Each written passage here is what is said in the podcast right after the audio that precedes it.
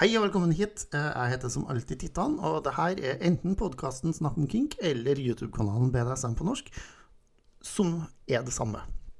Det er bare da at på YouTube så har jeg video, og på podkasten så har jeg ikke video.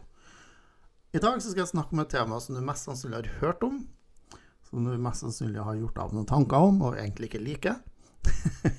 Håper jeg virkelig. Eh, og som også kanskje gjør til at du tenker ung, veldig ung jente og gammel grismann. Eh, men det fakta er at det her, altså grooming, som er temaet mitt, det kan også foregå mellom voksne mennesker. Til og med likealdrende voksne mennesker. altså begge to er 30, f.eks. Begge to er 5. ja, Du skjønner hva jeg mener. Det meste av det faglige innholdet i denne episoden det kommer fra psykolog og sexterapeut dr. Kate Balistrieri, som har skrevet en del ting på modernintimacy.com, eh, hvor du kan gå og lese hele teksten på engelsk hvis du har lyst. Eh, det er flere artikler som jeg har slått sammen til én episode. Eh, Jeg sa det at det kan foregå med voksne også, og i likhet med grooming av barn, så handler grooming av voksne også om kontroll og dominans. Og da snakker vi selvfølgelig ikke samtykkende kontroll og samtykkende dominans, sånn som i BDSM. Vi snakker jo om ikke-samtykkende kontroll og ikke-samtykkende dominans, som er det vi alle vet er overgrep. Grooming er en form for manipulasjon som ofte er ekstremt vanskelig å se når man ikke vet hva man skal se etter. Grooming er ment å føles godt og riktig i begynnelsen, sånn at personen som blir utsatt for det, ikke skjønner at de blir klargjort for overgrep. Grooming i seg sjøl er overgrep, bare så det er sagt, men jeg snakker om å bli klargjort for enda drøyere overgrep enn det å bli grooma. Mange voksne i giftige forhold, eller i forhold med masse overgrep, vil oppleve grooming som ett av partnerens, altså den dominante partneren, sitt forsøk på å bygge en falsk følelse av eh, ekstremt emosjonell tilknytning, eller en følelse av avhengighet, og de vil også være mer utsatt for fysisk, emosjonell eller seksuelle overgrep. En ekspert i manipulasjon vil bruke grooming for å få det de ønsker fra en annen person. Enten det er sex, det å få dem til å gjøre ting som strider mot deres egen natur, eh, det å få penger eller det å få andre ting fra dem. Målet for groominga kan være barn, det kan være voksne. Men nivået av grooming fra predatoren er ofte det samme. For å gjøre det enklere for meg sjøl, så kommer jeg til å skille mellom den som groomer, og kalle den han, og den som blir grooma, og kalle den hun. Eh, Det er den vanligste formen for hvilken retning grooming går, altså en mann som manipulerer en dame. Men det kan skje mellom alle kjønnsidentiteter. Så det er ikke sikkert at du slipper unna hvis du er mann, eller hvis partneren din er ikke-binær, eller hva som helst. Det kan gå i alle retninger. Så bare for å gjøre det enkelt for min egen fortelling, eller måte å legge det fram på i, i episoden. Så det vil si at han vil i første omgang starte et vennskapsforhold med hun, for å se om det er verdt å fortsette groomingen i det hele tatt. På dette nivået så vil han stille spørsmål om livet hennes og prøve å finne ut hvor sårbar hun er. Samtidig som han får tak i kontaktinformasjon, sånn som nikk på alle forskjellige sosiale medier, telefonnumre, adresse. Hvis det er noe han får tak i, så er han sikkert fornøyd med. Eh, Og når han har kommet så langt at han har fått tak i de her tingene, så går han over til neste fase. Han ser at ok, det er mulig, det her er en person som jeg kan potensielt få til å gjøre det jeg har lyst til at de skal gjøre. Så han går over til neste fase, som er det å vinne tilliten hennes. Dette gjør han ofte gjennom å fortelle hemmeligheter han kjenner. Ikke nødvendigvis sine egne hemmeligheter, det kan være hemmeligheter om folk begge to kjenner, altså både hun og han kjenner. Eh, Det kan være å hjelpe henne med forskjellige ting, sånn som å gjøre ærend, altså gå på butikken for henne. eh, Kjøre til og fra jobb eller til og fra butikken. Kjøre på fest, hente henne på fest. eh, Betale regninger for henne. Komme innom eh, med ting sånn tilfeldigvis. Nei, jeg var bare i nabolaget, tenkte på deg, og så kjøpte jeg en pakke godteri eller et blad som jeg vet du liker, eller et eller annet sånt. Han kan også dele en hemmelighet som er hans. Kan godt være noe han har funnet på. Men det her er en hemmelighet som, en hemmelighet som bare du får vite, for du er spesiell. Jeg føler at vi har noe spesielt, så denne hemmeligheten får bare du vite.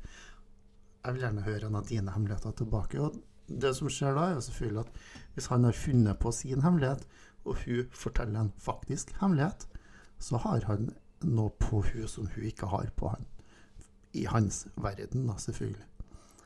Uh, han kan bruke et eksempel. altså Jeg vil hjelpe deg å holde orden på økonomien. Så hvis jeg tar over alle pengene dine og gir deg lommepenger og gjør til at alle regningene dine er betalt, så slipper du å tenke på det her. Og det er mange som syns at det hadde vært veldig greit å slippe å tenke på å betale regninger og sånt.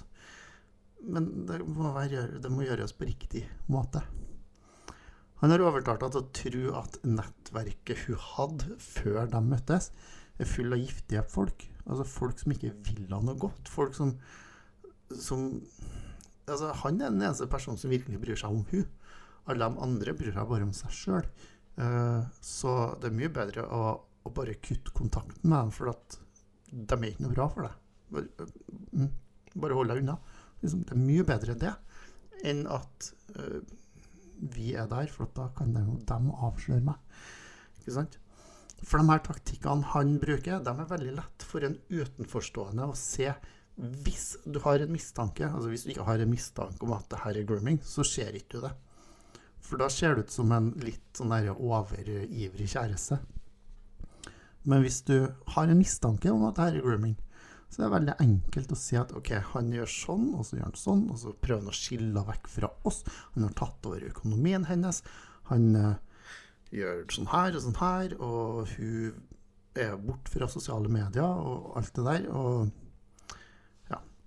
Eh, den som blir utsatt for det, derimot, vil mest sannsynlig ikke legge merke til at det skjer, for det skjer så gradvis. Uh, som sagt, de er eksperter på den manipuleringa her. Folk som groomer, som er flinke til det. Det skjer så gradvis at du merker ikke at den personen her tar over livet ditt. Så hele tida mens det her foregår, at han bryter seg mer og mer inn i livet hennes, mer og mer har mer og mer kontroll over livet hennes osv., så, så vil han utføre det som kalles en risikovurdering. Han vil finne ut hvor tilgjengelig hun er. Hvor lett er det å skille fra vennene sine? Hvor lett er det å skille fra familien sin? Eh, hvor lett er det å flytte inn sammen med og kontrollere fra, på den måten. Eh, eventuelt hvor lett er det å kontrollere med fra dem hun bor sammen med? Kan jo at hun bor i et kollektiv, eller at hun deler leilighet sammen med noen venner? Eh, og etter hvert som han får mer og mer kontroll, så vil han begynne å distansere mer og mer fra vennene sine og familien hennes, hvis de er for tett.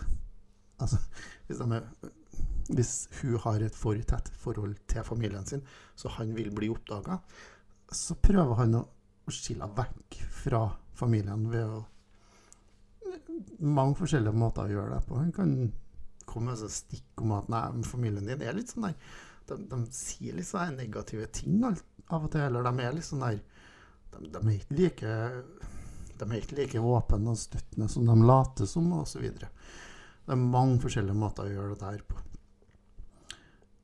Og det som, er, det som er ironisk, da, er at en av de enkleste måtene å skille noen vekk fra vennene sine og eller familien sin, det er overraskende positive metoder.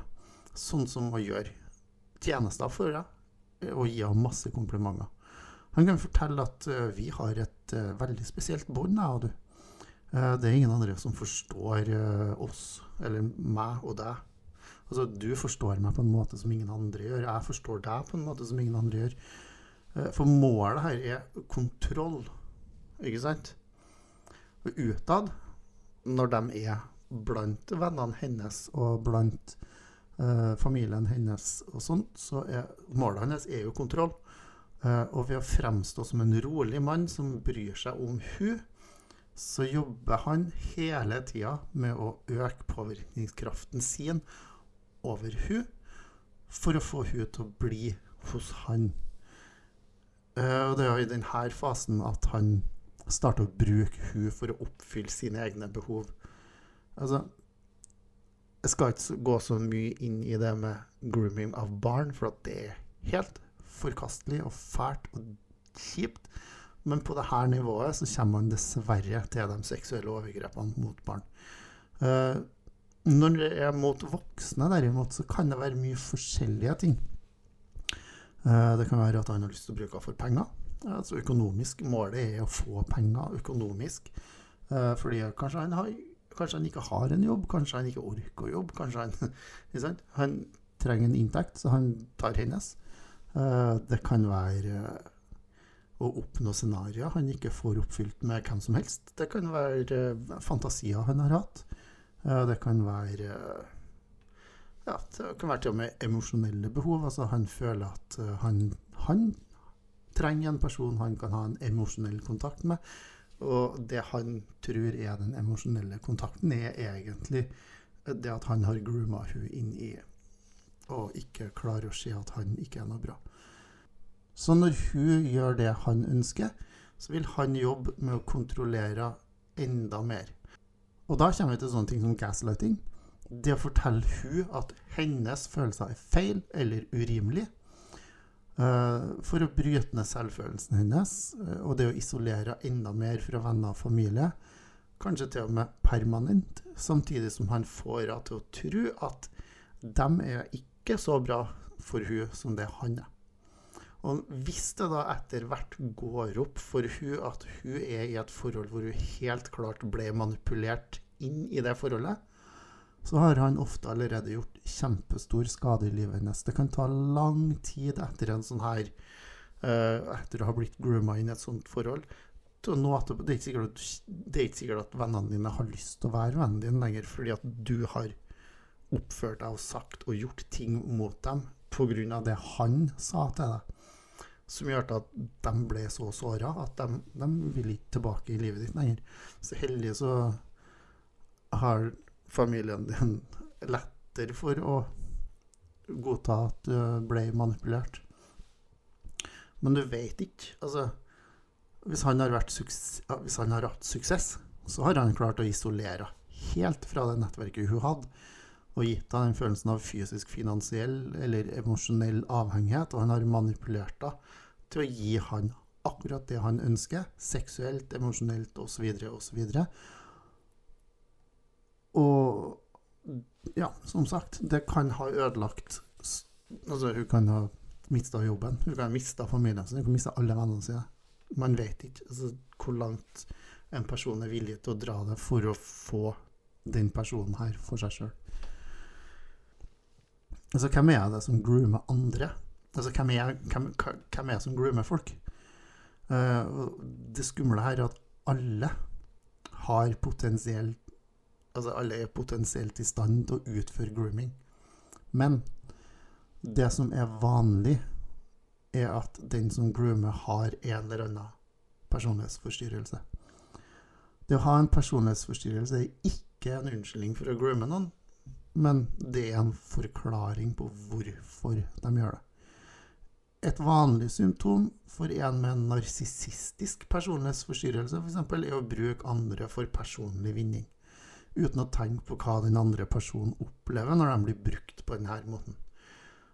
Det er viktig, og veldig viktig, å understreke at ikke alle med personlighetsforstyrrelser groomer andre mennesker. Det er veldig viktig å si det. Uh, det er også viktig å si at i tillegg til forskjellige folk, eller i tillegg til folk med forskjellige personlighetsforstyrrelser, så er det ofte dem som også utsetter partneren sin for partnervold, sexovergrep osv., som utfører grooming. Eh, det er ofte vanskelig å avsløre en groomer, for at de klarer å skjule det bak en maske.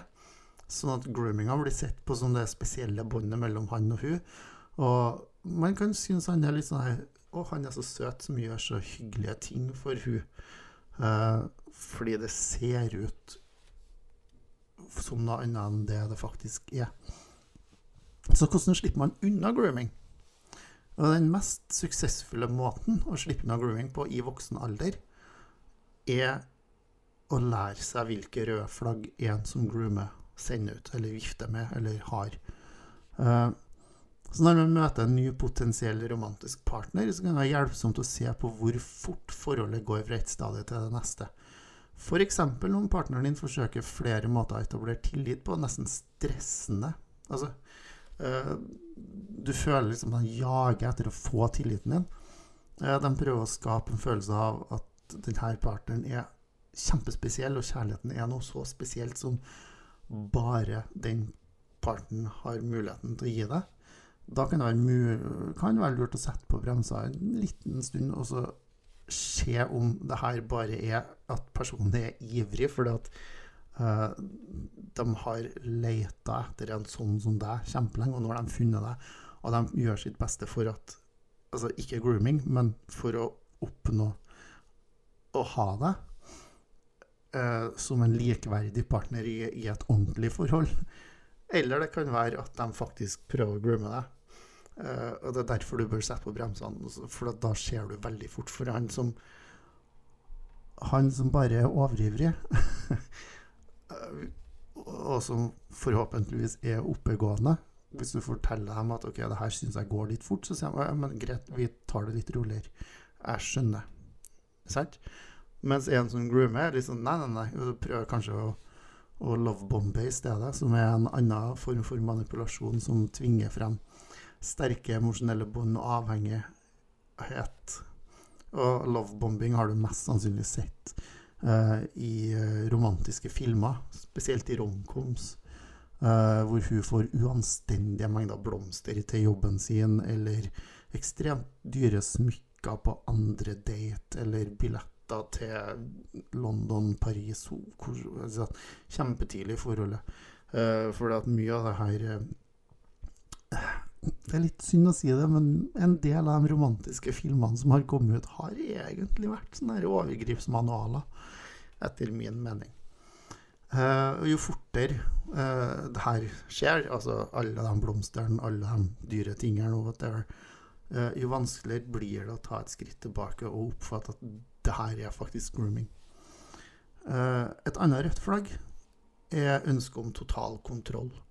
Eh, det kan være å kontrollere hva partneren kler seg i, hvem de får møte, hvor de får lov til å gå, hva de får lov til å gjøre på fritida. Det kan også være kontroll i sosiale medier, med beskjed om hvem man får ha kontakt med, og ikke på de forskjellige sosiale plattformene. Uh, målet for den som groomer, det er jo, som jeg sa tidligere i episoden, å skille hun fra det nettverket hun hadde før de møttes. Et tredje rødt flagg er det at han ikke klarer å godta et nei.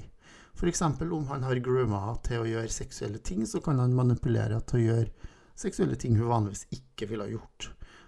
Det vanlige eksempelet midt i de her episodene er analsex, og det kan være noe han plutselig krever, eh, sjøl om han vet at hun ikke vil, for at han har manipulert at han er viktigere enn hun, så hun bare gir det han vil. Eh, det kan være å låne bort til vennene sine, både seksuelt og ikke seksuelt. Eh, det kan være å insistere å ta bilder eller film eh, akten, altså vise bildene til vennene sine. Eller vise filmen til vennene sine og bare se hva hun gjør, se hva hva jeg får henne til å gjøre, se hvor flink jeg er, så tøff jeg er som får hun til å gjøre sånn her med meg. Og så har jeg filmer som jeg kan vise dere. Det er ekstremt manipulativ kontroll, med mindre det er alt det her, selvfølgelig. Både det å, å, å, å ha kontroll over folk og det å gjøre ting sånn her. Hvis det er avtalt i forhandlingene og godtatt og i ordentlig BDSM-forhandling, ordentlig alt det der, helt greit. Alt det her er fint. Men hvis det ikke er avtalt, hvis det er uten samtykke, så er det ikke bra. Jeg håper dere skjønner det. Jeg regner med at dere skjønner det. Målet hans er full kontroll full kontroll Mala er full kontroll over hun og kroppen hennes. Og etter hvert så vil han bryte ned forsvaret hennes. sånn til slutt så lar hun bare alt det her skje, fordi at hun har blitt manipulert så lenge at hun tror det skal være sånn. Så grooming det er traumatisk, og det er giftig. Det ødelegger mennesker. Det ødelegger barn. Det ødelegger voksne, og det skjer dessverre i miljøet vårt. Det som gjør det vanskelig å avsløre grooming i BDSM-miljøet, er at mange av de tingene som en som groomer folk, gjør, og mange av de tingene de sier, er de tingene en dominant gjør og sier til en submissiv. Derfor er det viktig at man ikke tror det verste om alle man møter, men ser på forholdet mellom dem som leker sammen. For det er veldig lett å se forskjellen på et sunt, sikkert og samtykkende forhold og et forhold bygga på grooming, overgrep og tvang. Og det som også er da, er at hvis det her skjer i miljøet vårt, så vil man kanskje oppleve at det paret hvor han groomer hun, eller hun groomer han, trekker seg mer og mer ut av miljøet, og til slutt bare er et minne om det var to personer her, men nå vet ikke vi hvem de er. Så kanskje han kommer tilbake senere. Ikke hun, men han kommer tilbake senere. Og begynner prosessen på nytt igjen med en annen dame. Uh, ja. Uh, og det her Grunnen til at jeg tar opp dette temaet akkurat nå, er fordi at jeg tilhører et nettverk uh, av folk som er på en amerikansk server og diskuterer BDSM ganske dypt og, og inngående, og grooming har liksom vært det store temaet uh, den siste uka. Uh, fordi det var en som kom inn og skrev et eller annet sånn Her er det som skjedde til oss. Hva er det her egentlig? Og så det seg at her er faktisk en som prøver å groome folk. Han prøvde ikke bare én, han prøvde å ta liksom flere forskjellige folk samtidig. Um, uh, og det, det, kan skje. Mest sannsynlig så kommer det ikke til å skje. Og nå ser jeg faktisk, for dere som ser på videoen Hvis dere ser opp i det hjørnet der nå, så ser dere i ringlightet mitt. ja, ja. Det la ikke jeg merke til før nå, så da er det ikke så irriterende. Uh, og det som er også, er at uh, jeg vil heller at vi har snakka om det før det skjer, enn at det skjer uten at folk har hørt at det kan skje i miljøet vårt. For at grooming er ikke noe som bare skjer fra en voksen mann til en ung, et ungt barn. Det kan skje fra en voksen til en annen voksen. Uh, og det er kanskje også viktig å få frem uh, for oss som driver på med det her, som for utenforstående, hvis de ser på et av mine lekeforhold, så kan det se ut som jeg er en total trikksekk som bare superkontroll over den jeg leker med, men i virkeligheten så har vi avtalt absolutt alt, og jeg kan ikke gå utafor eh, de grensene som hun har gitt meg. Og hvis jeg gjør det, så blir hun dritsur og avslutter hele greia og mest sannsynlig kjefter meg huden full. så den store forskjellen er det at uh, i BDSM, sunn, sikker, samtykkende uh, rack eller prick BDSM, så har man avtalt, man har snakka, man har funnet frem til grensene og funnet frem til målet og funnet frem til hva man har lyst til å gjøre. Mens i et uh, forhold som kommer av grooming, så er det den ene som totalt overkjører den andre. Ja. OK. Det var det jeg ville si, da. Denne gangen. Eh, som du kanskje har merka, så er det ikke like mange videoer eller episoder nå som det var i høst. Og det er fordi jeg har det mer travelt nå som Norge har åpna ordentlig igjen. og sånt, Men jeg prøver så godt jeg kan å få til en del. Eh, og så skal vi heller Jeg skal jobb med å få ut flere. Så ja. Frem til neste gang.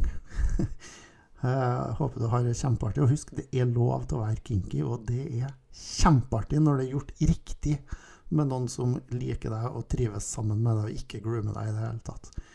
Hei da!